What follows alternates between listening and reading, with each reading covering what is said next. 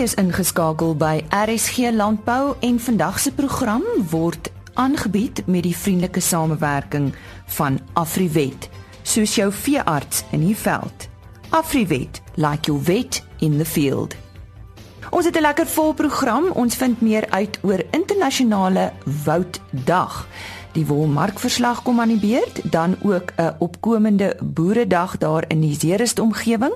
Ons gesels met 'n 14-jarige wat deelgeneem het aan die Oos-Kaap Jeugskou. Dr. Johan van Rensburg van Afriwet fokus op bosluis oorgedraagde siektes en dan opvolgbeplanning op jou plaas. Soms werk dit nie. Om bietjie meer uit te vind, bly ingeskakel. 21 Maart was in Suid-Afrika nie net Menseregte Dag nie, maar dit was ook internasionale Wouddag.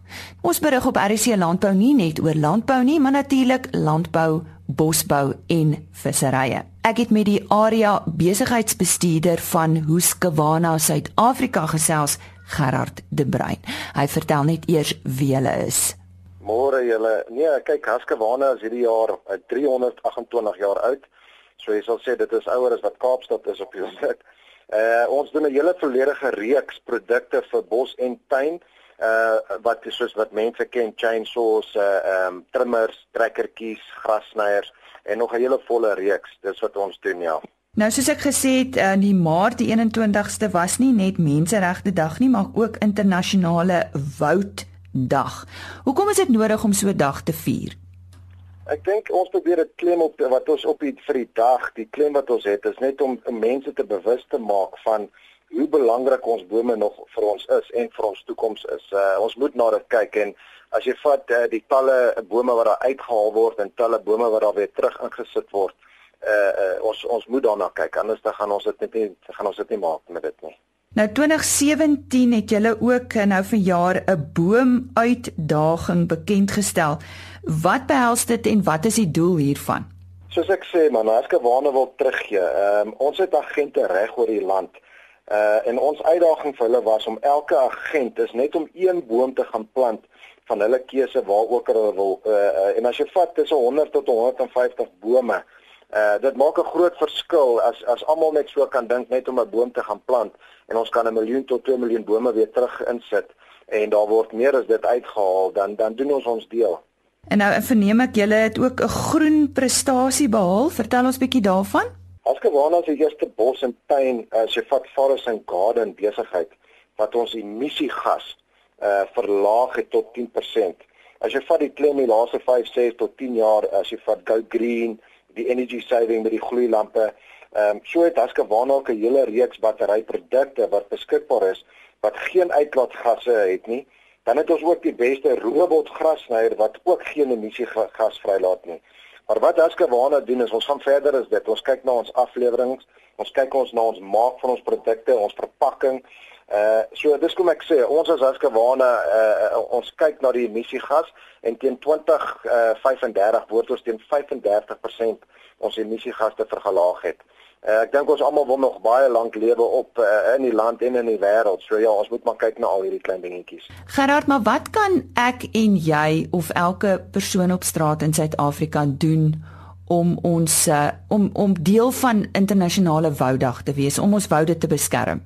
Kyk, ek dink dit is belangrik. Ek dink ons almal het groot geword van kleins af om bome te klim en waar ook al jy gaan, um, soos wat mense ry, uh, jy kyk altyd na die scenery en jy sê, "Jesus, pragtig," en dis al die bome Ek dink dit is belangrik dat ons besef dat nie net sommer 'n boom uit te haal uh wanneer jy jou pla goed is nie. Miskien uh besluit eerder hoe kan ek die boom red of hoe kan ek hom help om om om, om dit te werk in plaas van om dit uit te haal. En as ek vat uh, en dis jy's miskien ook 'n uitdaging vir almal ook. As ek kyk plant een boom uh uh vir die vir die, vir die volgende 2-3 maande. En as ons vat as ons 500 000 tot 'n miljoen bome ekstra kan inplant inheemse bome, dan maak ons 'n baie groot verskil. Ek dink ons wil hê ons kinders moet oor 10, 15, 20 jaar ook graag nog woonklim en in die woude kan hardloop en speel in plaas van dat ons net die hele tyd uithaal en uithaal en uithaal. So kom ons sit terug. Dit is uh dis ons lewe. Dit is dit is wat foto's en goed mooi maak en uh, kom ons hou dit so. Die area besigheidsbestuurder van Husqvarna Suid-Afrika Gerard De Bruin en 21 Maart is internasionale wouddag gevier. Vir die nuutste wolmark verslag, Jolandi Root. Die wolmark het op 29 Maart effens hoër verhandel en die Cape Bulls Marina aanwyser styg met 0,5% en 85 punte om te sluit teen 'n waarde van R163.85 per kilogram verskoon wol. Op die Australiese mark was die aanwyser 1,2% af terwyl die Cape Bulls alle wol aanwyser met 1,0% gestyg het. Die wolmark het te midde van geweldige onsekerheid op die valutemark uitstekend presteer en styg tot 'n nuwe rekordvlak. Goeie gehalte lang en fyn wol was veral gesog en verhandel bykans 3% duurder. Met Seegraad Mazurel wat beïndruk deur 'n nuwe rekordprys van R172.70 per kilogram te betaal vir 17,2 mikron wol gelewer deur meneer BP Gryiling van Wakkerstroom. Die gemiddelde skoonwolpryse vir die seleksie binne die verskillende mikron kategorieë goeie langkamwol tipes was soos volg: 18 mikron neem toe met 2,9% en sluit teen R218.59 per kilogram. 18,5 mikron neem toe met 1,4% en sluit teen R207.23 per kilogram. 19 mikron styg met 4,2% en sluit teen R196.47 per kilogram. 19,5 mikron neem toe met 3,0% en sluit teen R175.98 per kilogram. 20 mikron verhoog met 1,2% tot R157.59 per kilogram. 20,5 mikron verhandel 1,9% hoër en sluit op R149.99 per kilogram. 21,0 mikron neem toe met 0,2% en sluit op R147.60 per kilogram. 21,5 mikron verhandel 1,5% hoër en sluit op R139.60 per kilogram. 22 mikron verhandel 2,2% hoër en sluit op R139.46 per kilogram. En laastens 22,5 mikron verhandel 2,5% laer en sluit op R134.66 per kilogram. Die volgende veiling is geskeduleer vir 5 April wanneer sowat 1800 bale aangebied sal word. Jolandi Rood daar met die wolmark verslag. Sois Harman van Agri Start bied eersdaags 'n opkomende boeredag aan en dit is sommer die einde van hierdie week op 7 April. Nou Agri Start lewer adviesdiens en ook hulp aan boere. Ons medewerker Koos de Pisani het met hom gaan gesels. Hy is ook 'n voltydse boer in die Zeerust omgewing en 'n eiendomsagent wat baie moeite doen om boere op plase te vestig. Soos julle bied binnekort 'n boeredag vir kommersiële ontwikkelende boere aan. Wat behels hierdie dag? Koos, die 7 April uh is dit vanjaar al die 17de jaar wat ons op my plaas, die plaas se naam is Jakkalsdans in die Mariko Bosveld, die uh, boeredag aanbied. En uh, die boeredag begin eers met praktiese demonstrasies van waar ons die ouens net leer van hoe onthoring jy, hoe tatoeëer jy, hoe plaas jy 'n tag in die oor en uh, dan siekte identifisering. Jy weet die ou sien 'n bees lyk nie goed nie dan leer ons omdat hy 'n koorspen gebruik, koors neem en dat hy seker maak want is die bees nou regtig siek het hierdie in koors en dat hy vinniger kan optree in die regte toediening. Dan leer ons die ou hoe doen jy arendspuiting? Waar spuit jy 'n bees as jy uh inentings doen en uh na dis alles praktiese demonstrasie en dan ook aan die uh doen ons dan vir hulle hoe om die regte bil te selekteer. Sodat die ou prakties kyk wat gaan vir hom help in sy boerdery. En dan het ons ook uh sprekers waar daar gepraat word oor praktiese plaas en finansiële bestuur. Bel my en dan vra hulle sê vir my jong, er, ons moet nou elke nou en dan 'n bees verkoop net om die ouens te kan betaal en die dinge in stand hou en dit lyk of ons agteruit boer en dit die ouens het baie leiding nodig van hoe kom ons hoe gaan jy hierdie plaas nou ran sodat hierdie plaas kan uh, en dat jy dat die plaas uiteindelik self kan betaal vir die uitgawes. En dan is daar die nasionale beeskema wat Dr Ben Gryiling gaan oor praat. Uh, Hy's van die LNR, uh, 'n vers en koei bestuur waar meneer T en Donga van die LNR gaan uh, die uh, met die boere gaan praat. Dan prestasie toetsing waar meneer Frans Jordaan van die LNR met die boere gaan praat en dan gaan ons ook omdat ons uh, boer met brownvee uh gaan ek praat oor die impak van die brownvee in beesteling. Uh dat die ouens kan ook sien maar as jy 'n brownvee bil gebruik in jou kom ons sê in jou kommersiële kudde is dit 'n 'n bees wat baie vinnig vleis en melk toevoeg en die bees daar's vinniger vordering in so 'n opheffing van so 'n gewone kudde wat miskien net eers nie van goeie bulle gebruik gemaak het nie. En uh oor jare het die kursus eintlik al so invloed gehad dat van ons boere is ons regtig trots op. Hulle het sukses in boerdery. Ons het boere wat hulle eie plase nou al gekoop het, wat al gevestigde boere is. Ons het boere wat hulle plase al klaar betaal het en ons het boere wat baie mooi presteer. En uh ek dink is ons is al baie trots op die vordering van die boere wat na die boeredag toe kom. Boere van sover as Pietersburg Nelspruit en in die uh weste kant sover as Kuruman woon jaarliks hierdie boere daarby. En uh so die ouens ons ons het al tot soveel as 300 boere op so 'n boeredag gehad. Nou verwag julle om uh vanjaar weer so baie te hê? Jong, dis gewoonlik 'n uh, 'n vraag wat ou nie maklik kan antwoord nie. Ons berei voor vir so 200. So as as daar dan meer kom dat ons vinnige plan kan maak. En uh maar volgens die aanduidings en die feit dat ons vanjaar nou juis met ons kursus aan die boere 'n sertifikaat oorhandig van dit wat ons gedoen het, laat hy kan voel maar ek het 'n kursus bygewoon, ek het die volgende onderwerpe is hanteer en ek was deel daarvan. Ek het nou 'n goeie begrip daarvan. Gee ons ook 'n sertifikaat wat uh deur die LNR in AgriStar wat ons gesamentlik dan aanbied aan die boere vir die dag. Nou Wat is die rede dat julle so 'n uh, uh, kursus aanbied? Ek meen as julle dit al vir 17 jaar doen, dan het glo ek julle het al sukses behaal daarmee, maar wat is die rede dat julle aanhou daarmee? Wie koes daar's 'n nood in 'n uh, aanvraag by die boere. Ek het vroeër jare het ek vir Graan Suid-Afrika gewerk en vir uh ook Eerste Nasionale Bank op 'n stadium met hulle ontwikkelingsprogram. En daardie boere is nog steeds op my database. Ek het seker oor 5000 boere op my database.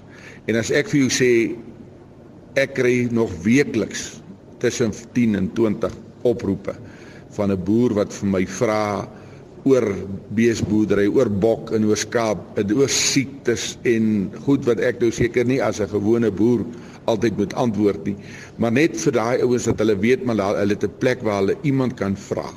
En uh die groot ding is daar's 'n dors na kennis.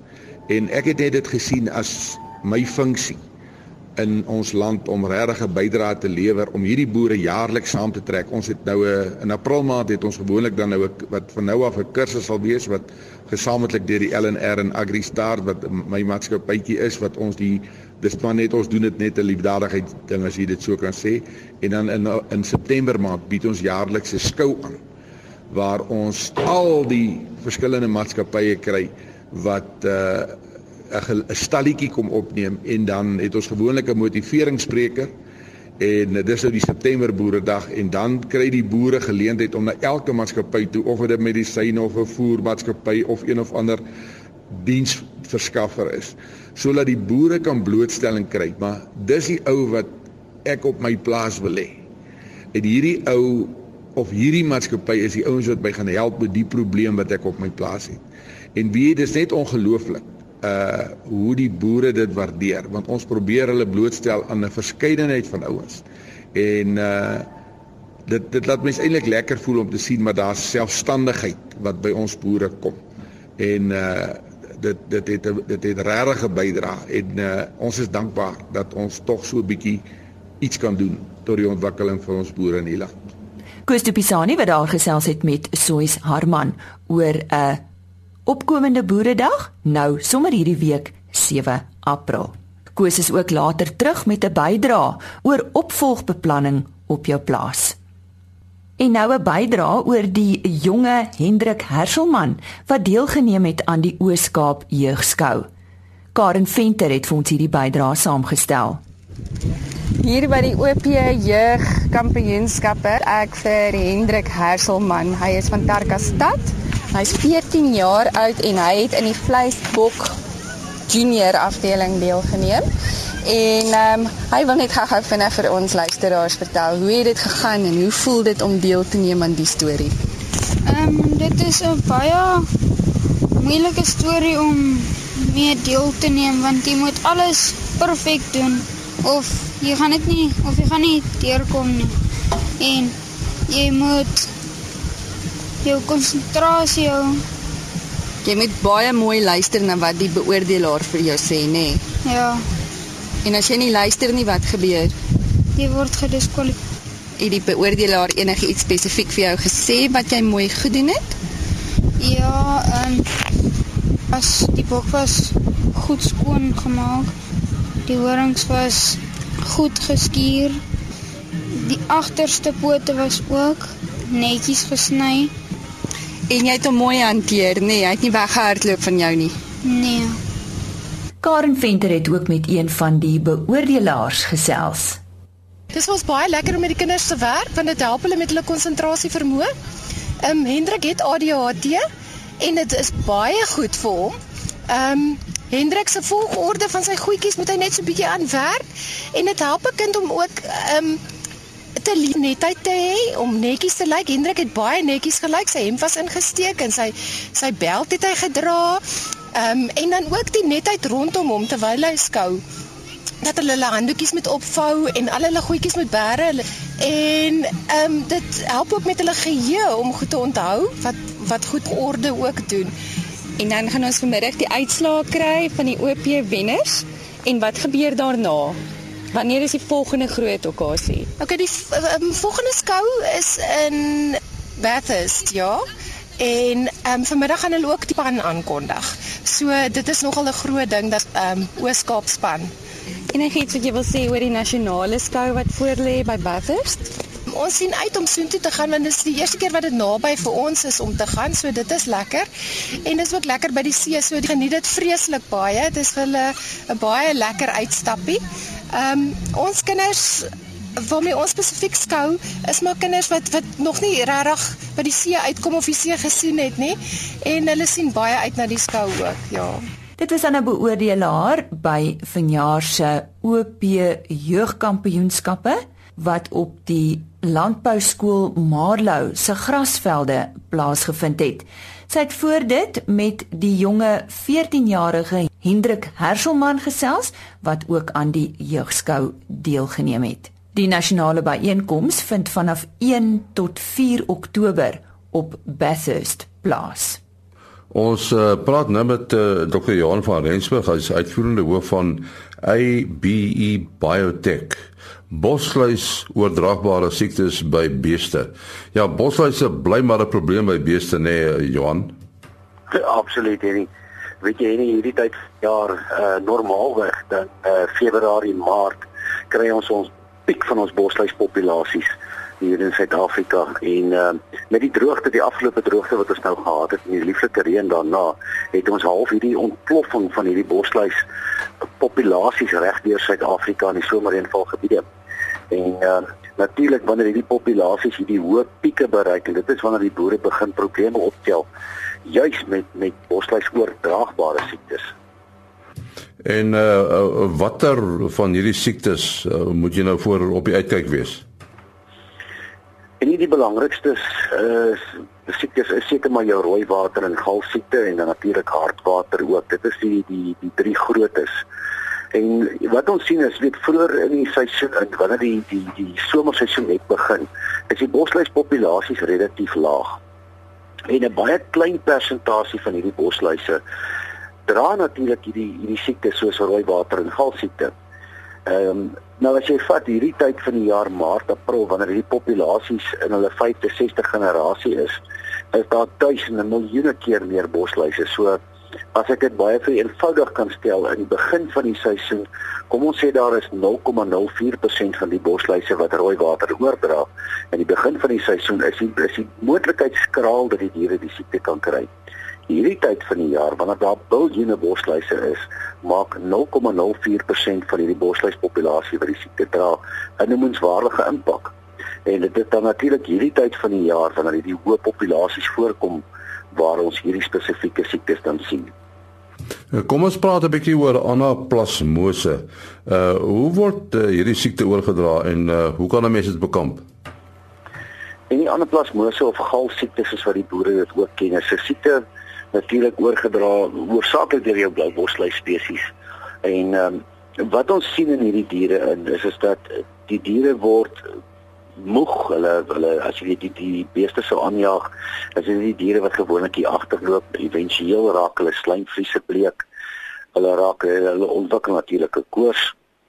En hierdie diere kan éventueel doodgaan van van hierdie siekte die siekte self is 'n is 'n parasiet wat die wat die rooi bloedselle affekteer of hy gaan bly binne in die rooi bloedselle in en uh, soos wat hy van die een rooi bloedsel na die ander rooi bloedsel beweeg soos wat hulle nou vermeerder so breek hierdie rooi bloedselle op en vernietig hulle die rooi bloedselle en eventueel sterf hierdie dier aan 'n aan 'n aan 'n bloedtekort. En ehm um, wat ons baie keer sien met hierdie siekte ook is dat die die die boere die die siekte behandel in die vroeë stadium en maar dat die diere baie gestres word na behandeling. En hierdie stres na die eerste behandeling is gewoonlik die doodskoot vir die diere. En ons ek dink ons verloor baie diere deurdat uh, die boere die diere stres tydens 'n tweede of 'n derde behandeling. En en uh rooi water wat in die meeste dele van Suid-Afrika voorkom, wat is die kliniese tekens? En die, die kliniese tekens van rooi water is baie gelykstaande aan die wat ons maar sien met met galsiekte ook. Rooi water intedeel is ook 'n bloedparasiet. Hy infekteer ook die rooi bloedselle. Maar die diere het 'n geneigtheid op 'n laat stadium van die siekte om rooi verkleuring van die urine te kry. En dit is waar die die ou boere terme rooi water vandaan kom wat ons nie sommer met galsiekte sien nie om te onderskei tussen galsiekte en rooi water is nie baie maklik op net op kliniese tekens as jy net na die dier sou kyk nie. En dit is aangewese jy weet dat die veearts maar 'n bloedsmeer maak en op die bloedsmeer kyk wat se parasiet is dit wat die wat die dier het verkeer. Ja, en dan dan is daar nou so ding soos 'n bont bosluis. Hulle is ook luise met siektegevare, né? Ja, absoluut en uh, baie geneig daartoe om om die om om jou hartwater oor te dra in jou bosveldstreke en noordelike bosveldstreke en Weskaap areas ook. En uh, hierdie is natuurlik 'n multigaseer bosluis en uh, boere moet vroegtydig dip en hulle die diere dophou vir waar hierdie hierdie bosluis maar verteenwoordig is of teenwoordig is om hierdie bosluis te probeer met sy verspreiding te probeer beperk aangesien hartwater gewoonlik 'n akute tot 'n perakute siekte is. So as jy nie vroegtydig behandel nie, is hy baie baie dodelik. Dis maar seker die ou tradisionele regte metode, né? Nee? En ja, daar's daar's twee maniere waar mens kan kyk om hierdie bosluis oorgedraagde siektes te be bestuur of te beheer. Die eerste een is uh, waar mens gebruik maak natuurlik van uh die bloed en stowwe wat beskikbaar is vanaf onderste poort en uh, waar jy die diere inent teen hierdie siektes. Die tweede faktor wat belangrik is en uh, wat uh, in baie gevalle wat die oorheersende beheermaatreël is, is om toe te kyk dat die diere genoegsame bosluise op hulle het wat hulle wel kan byt om die siekte ek wil half sê dat die diere gesout raak, jy weet. Maar dat die diere gereeld dip dat daar nie te veel van hierdie bosluise is om natuurlik die siekte oor te dra nie. Nou, dit is makliker gesê as gedoen nie. Jy weet, dit is nie 'n baie maklike proses om op hierdie balans te gaan kry tussen ook hoeveel bosluise moet op my beeste wees en hoeveel moet hulle byt, jy weet. En dit gaan verskil van area tot area en ook die bosluispopulasie. En weer eens, gesels met jou met jou plaaslike veearts, jy weet. Die die ouens het 'n goeie idee gewoonlik van wat die infestasie tempos is, wat die voorkoms van die siekte is. En hulle kan jou ook help om 'n om 'n tip program bymekaar te stel om te kyk hoe ons hierdie siektes kan beheer. Nou, ons sê baie dankie aan Dr. Johan van Rensburg, hy is die uitvoerende hoof van ABE Biotech. En nou die beloofde bydra oor opvolgbeplanning. In die landboubedryf word plase van een geslag na 'n volgende oorgedra. Dis ideaal om te sien dat jou besigheid suksesvol voortgaan, maar realiteit het al bewys dat dit nie altyd so suksesvol gedoen word nie. Opvolgbeplanning is noodsaaklik. En ek gesels met Hendrik Wessels, 'n rekenmeester van PwC oor hierdie beplanning. Hendrik, sommige familiebesighede, veral in die landbou, is baie keer suksesvol en ander kere glad nie. Wat is die redes hiervoor? Ek dink die grootste rede daarvoor is die verskil in die generasies. Ehm um, jy sit met verskillende generasies wat verskillende denke het oor hoe goed moet gebeur. En dan as gevolg van daai konflik word baie keer besluit om om die besigheid te beëindig of of op te deel. So ek dink wat die, die ander aspekte wat ook daarby kom is nou natuurlik kommunikasie is nie baie goed in familiebesigheid nie. Sodra ou kommunikasie binne in die familiebesigheid uitsorteer, is die pro probleem al uitgesorteer. Wat is die emosionele verskil tussen publieke onderneming en 'n familieonderneming? Die die grootste verskil tussen 'n publieke onderneming en 'n familieonderneming is die strategie wat elkeen volg. 'n uh, Publieke besigheid is dit baie belangriker om te fokus op ehm um, korttermyn en en nie noodwendig so lanktermyn nie. So dit gaan oor die korttermyn opbrengste wat die besigheid gaan maak wat nie noodwendig teruggesit word in die besigheid nie. Waar 'n familiebesigheid is dit krities om lanktermyn te dink omdat jy wil hê die volgende generasie moet aangaan. So dis is die fokus baie meer op langtermyn waarin jy geld wat jy wat jy in 'n publieke maatskappy noodwendig sal uitkeer, gaan jy nie doen in 'n familiebesigheid nie om dit volhoubaar vir die volgende generasie te hou. Ehm um, in enige familiebesigheid wil 'n mens graag sien dat die uh, besigheid suksesvol voortgaan van die een geslag na die volgende. Ehm um, waarop dink jy moet die mens fokus om dit te kan regkry? Uh die belangrikste element daar is nou natuurlik soos ek genoem het kommunikasie.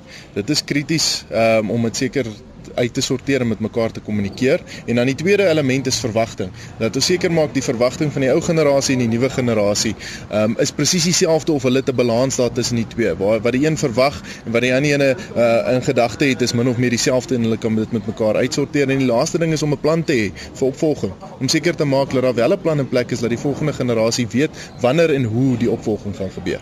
Dit klink alles na 'n langtermynproses. Dit is nie iets wat sommer in 'n kwessie van 'n vergadering of twee kan uh, plaasvind nie. Maar uh, hoe sou jy sê hoe lyk 'n ideale familiebesigheid? Ek dink die ideale familie besigheid is besigheid waar daar baie harmonie is, waar die ouens baie waar almal met mekaar oor die weg kom, waar familie en besigheid geskei is, waar daar 'n duidelike skeiding is tussen familie en besigheid, waar daar genoeg belegging spesifiek in boerdery waar daar genoeg belegging buite boerdery is om voorsiening te maak vir die uitredende party, waar die bestuur en die die die die toekoms van die boerdery um, hoofsaaklik gesetel word binne in die volgende generasie. Met ander woorde wat ek daarmee bedoel is, is dat die ou generasie die nodige kennis oordra na die na die nuwe generasie toe sodat hulle kan voortbou op wat dit is en nie net elke keer van hulle af begin nie. En ons sê baie dankie aan Koos de Pisani wat vir ons daardie bydrae gestuur het en hy was in gesprek met Hendrik Wessels. Net vinnig wat u te wagte kan wees môreoggend. Ons gesels met die voorsitter van die Suid-Afrikaanse varkvleisprodusente organisasie James Jenkinson En dan ook 'n interessante bydrae oor die Suid-Afrikaanse verbruiker en stapelvoedsel. Ons kry statistiek vanaf BFAB en Koos Pisani is terug met 'n bydrae oor die toekoms van trusts. So onthou om in te skakel môreoggend om 05:30 en vandag se program is aan u gebring deur Afriwet. Soos jou veearts in die veld. Afriwet, like your vet in the field. Totsiens. RSG Landbou is 'n produksie van Blast Publishing. Produksieregisseur Henny Maas. Aanbieding Lisa Roberts. En uitskoördineerder Martie Kerstyn.